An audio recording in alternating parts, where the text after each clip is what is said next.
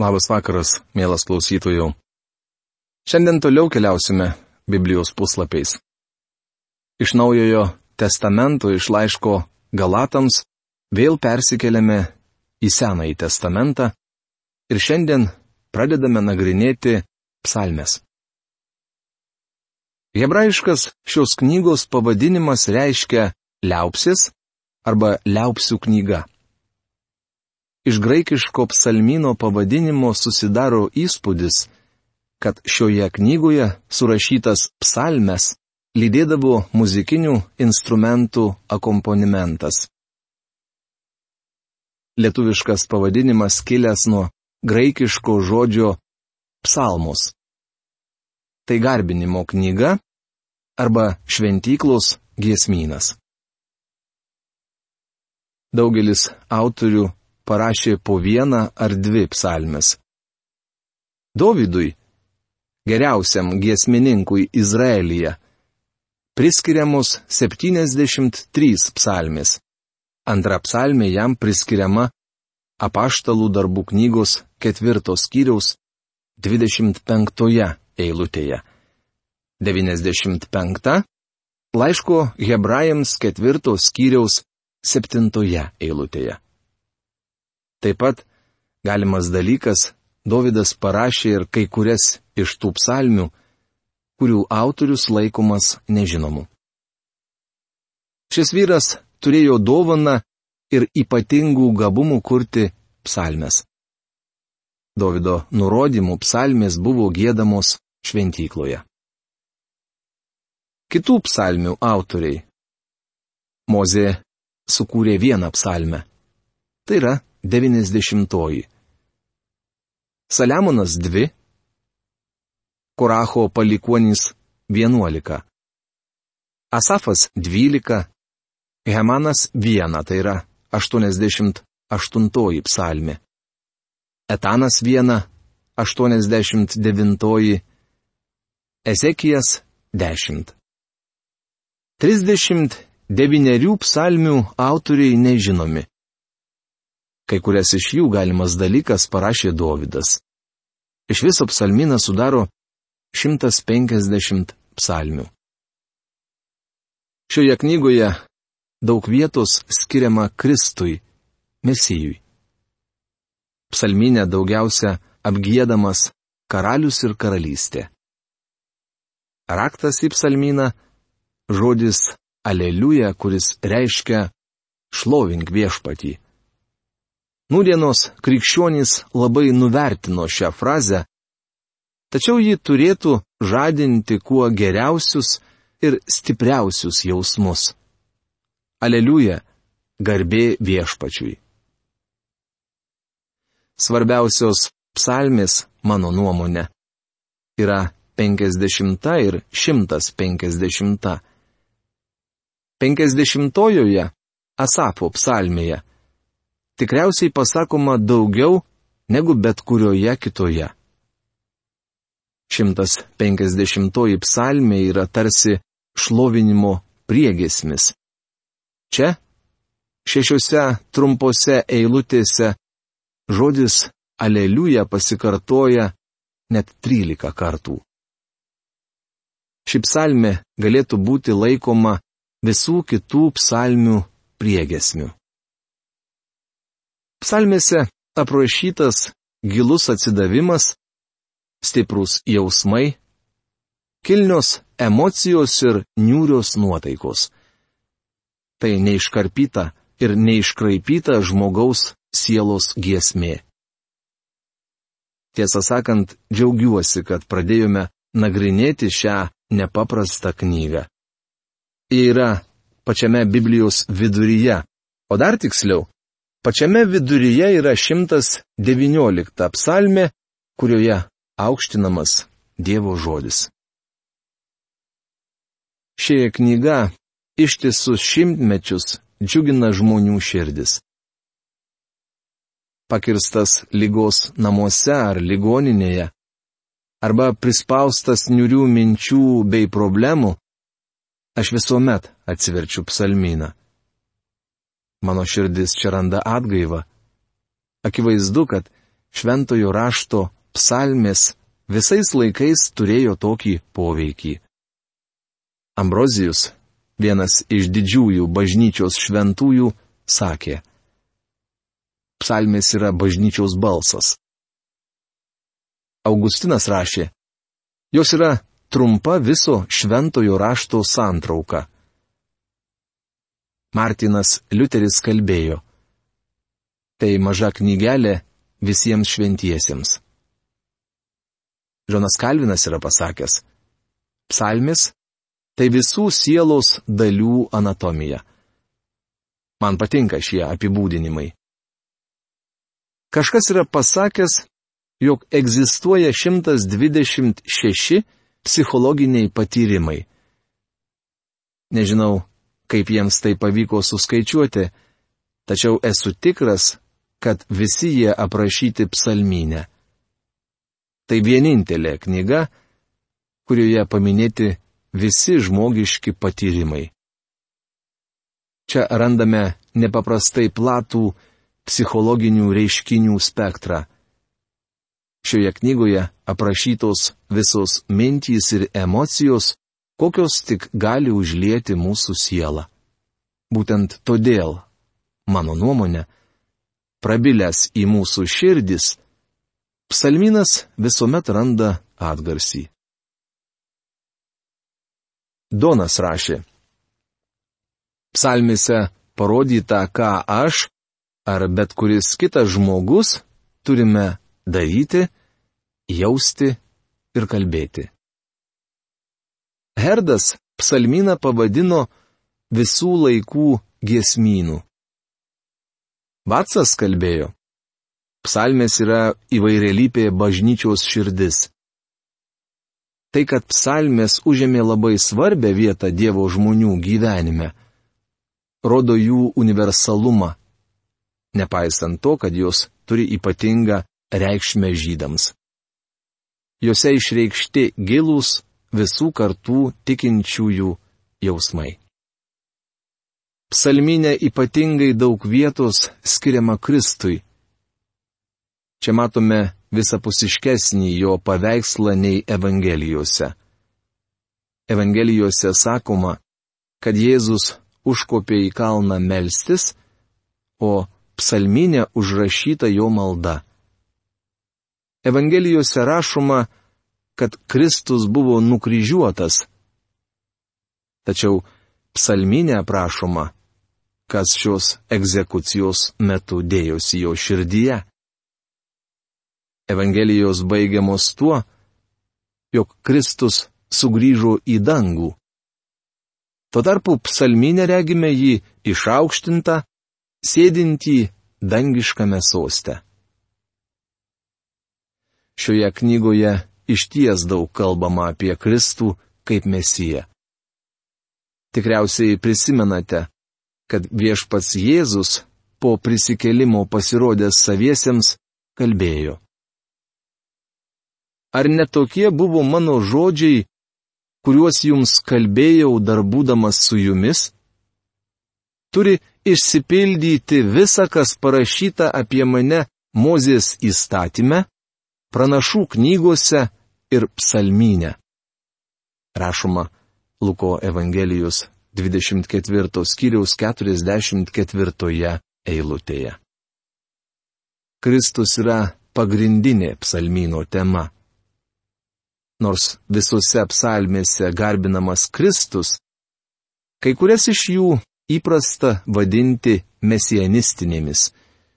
Juose aprašomas Kristaus gimimas, gyvenimas, mirtis, prisikėlimas, šlovė, kunigystė, viešpatystė, ir sugrįžimas. Iš viso yra 16 mesianistinių psalmių, kuriuose išskirtinai pasakojama apie Kristų, tačiau, kaip jau minėjau, jis garbinamas visose 150 psalmių. Psalminas yra giesminas, kuriame šlovinamas Kristus. Kiek siauresnė prasme psalminė kalbama apie tai, kad Kristus priklauso Izraeliui, o Izraelis Kristui. Abi temos susijusios su žmogaus sukilimu. Ši žemė nebus palaiminta, kol Izraelis nesusivienis su Kristumi. Psalmėse atsiskleidžia žydų viltis, tai giesmės, kurios buvo gėdamo šventykloje. Bet tai nereiškia, kad nūdien jos neturi dvasinio pritaikymo ar yra mums nereikšmingos. Aš tikriausiai jas skaitau dažniau nei bet kurią kitą šventojo rašto dalį, tačiau aiškinant psalmes, mums svarbu būti kiek išvalgesniems. Pavyzdžiui, šioje knygoje Dievas nevaizduojamas kaip tėvas. Šventieji nevadinami sūnumis. Psalmėse jis Dievas tėvas, o ne dangiškasis tėvas. Čia nerasite pasiliekančio šventosios dvasios artumo, nei palaimintos naujojo testamento vilties. Nesuprasdami to, daugelis klaidingai aiškina antrąją psalmę. Joje kalbama ne apie bažnyčios paėmimą iš šio pasaulio, bet apie antrąjį Kristaus ateimą į žemę įsteigti savosios karalystės ir karaliauti Jeruzalėje. Didžiausios kritikos susilaukė psalmės, kuriuose girdime prakeikimus, mat jos kerštingos.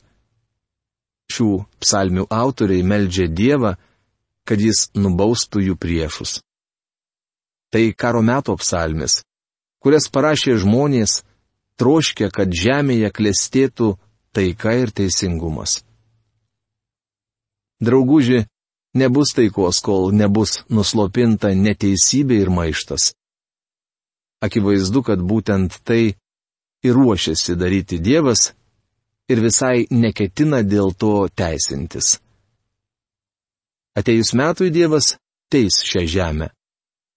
Naujajame testamente krikščionims liepiama mylėti savo priešus, todėl jūs gali šokiruoti psalmino maldus, kuriuose labai grubiai kalbama apie priešą.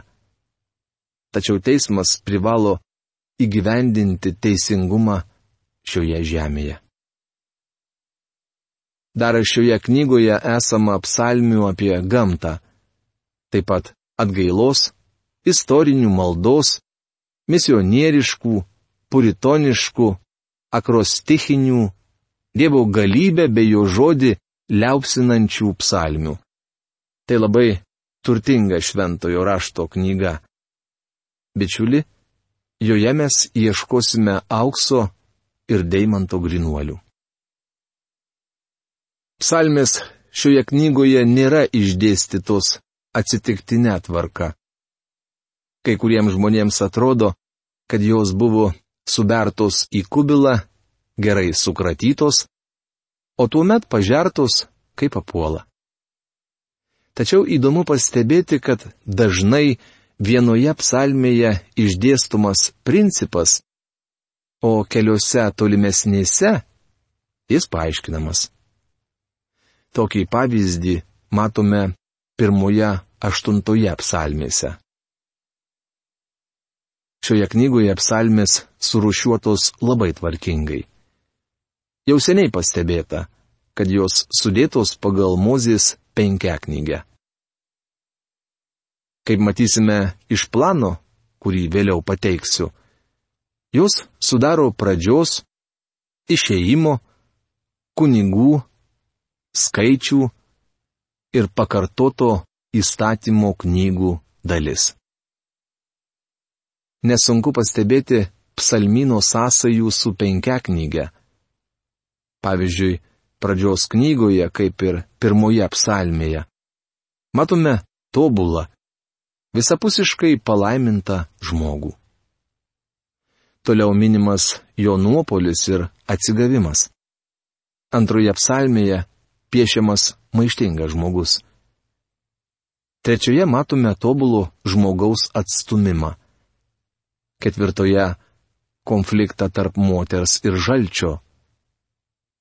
Penktoje psalmėje aprašytas tobulas žmogus priešų apsuptyje. Šeštoje psalmėje tobulas žmogus baudžiamas įkirčiu į kulną. Septintoje psalmėje matome tobulą žmogų tarp melagingų liudytojų. Galiausiai aštuntoje psalmėje regime žmogaus išgelbėjimą. Devintoje penkioliktoje psalmėse aprašomas priešo ir antikristo konfliktas bei galutinis išvadavimas. 16.41 psalmėse matome Kristų pašventinantį savosius Dievui. Visą tai išvysime daug aiškiau, nuosekliai studijuodami psalmyną.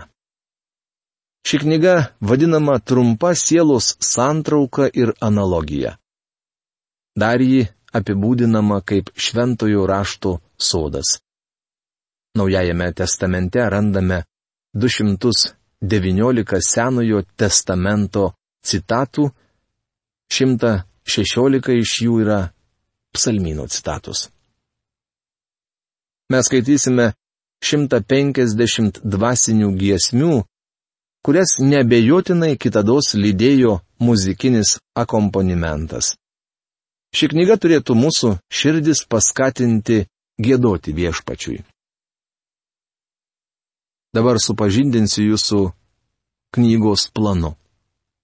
Pirma romėniškai pradžios knygos dalis. Psalmino 141 skyriai. Palaimintas, puolęs ir atsigavęs žmogus. A.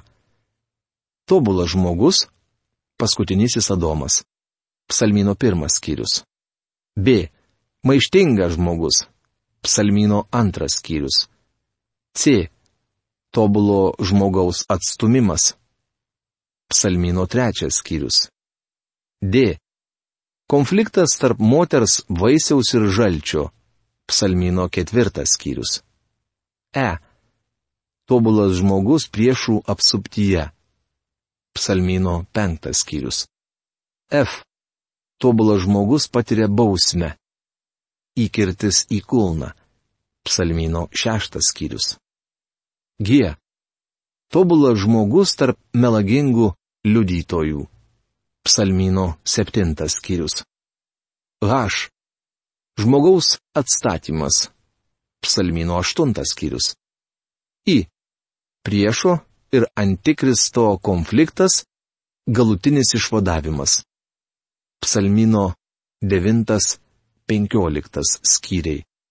Ir J. Kristus pašventina savuosius Dievui. Psalmino 16-41 skyriai. Antra romėniškai. Išeimo knygos dalis. Psalmino 42-72 skyriai. Pražutis ir atpirkimas. Matome Izraelį. A. Izraelio pražutis Psalmino 42-49 skyriai. B. Izraelio atpirkėjas. Psalmino 50-60 skyriai. C. Izraelio atpirkimas. Psalmino 61-72 skyriai. Trečia romėniškai. Kunigų knygos dalis Psalmino 73-89 skyriai. Tamsybė ir aušra - matome šventovę. Beveik kiekvienoje psalmėje minima padangti, šventikla ir suiga. Ketvirta romėniškai - skaičių knygos dalis. Psalmino 90-106 skyriai pavojus ir globa. Matome žemę. Ir penkta romėniškai - pakartoto įstatymo knygos dalis. Psalmino 107-150 skyriai. Dievo žodžio tobulumas ir jam skirtos liaupsės. Taigi pirmoji psalmė. Tema - du žmonės, du keliai du likimai. Šią psalmę prasideda pradžios knygos dalis. Iš karto įmama kalbėti apie žmogų, o nematerialią visatą. Psalmėje vaizduojamas palaimintas arba laimingas žmogus. Jis prieš pastatomas bedieviui. Čia taip pat galime išvelgti Kristaus paskutiniojo Adomo paveikslą. Jis stovi bedievių nusidėjėlių bei pašaipūnų apsuptyje. Kartais mes įsivaizduojame viešpatį kaip skausmų vyrą, apsipratusi su negale. Gal todėl daugelį piešinių jis vaizduojamas toks liūdnas. Taip, Izaijas vadina jį skausmų vyrų, bet kodėl jums nepaskaičius, kas rašoma toliau? Izaijo knygoje sakoma, kad Kristus kentėjo ne savo skausmus ir negalės. 53 skyriaus ketvirtoje eilutėje skaitome, Tačiau jis prisėmė mūsų negalės, savo užsikrovė mūsų skausmus. O mes laikėme jį raupsuotų, Dievo nubaustų ir nuvargintų. Jėzus kentėjo ne savo, o mūsų skausmus. Jis buvo laimingas Kristus. Mielas klausytojų, šioje rašto vietoje mes turime sustoti. Ir pirmos psalmės apžvalgą tęsime kitoje mūsų laidoje. Iki malonaus susitikimo. Sudė.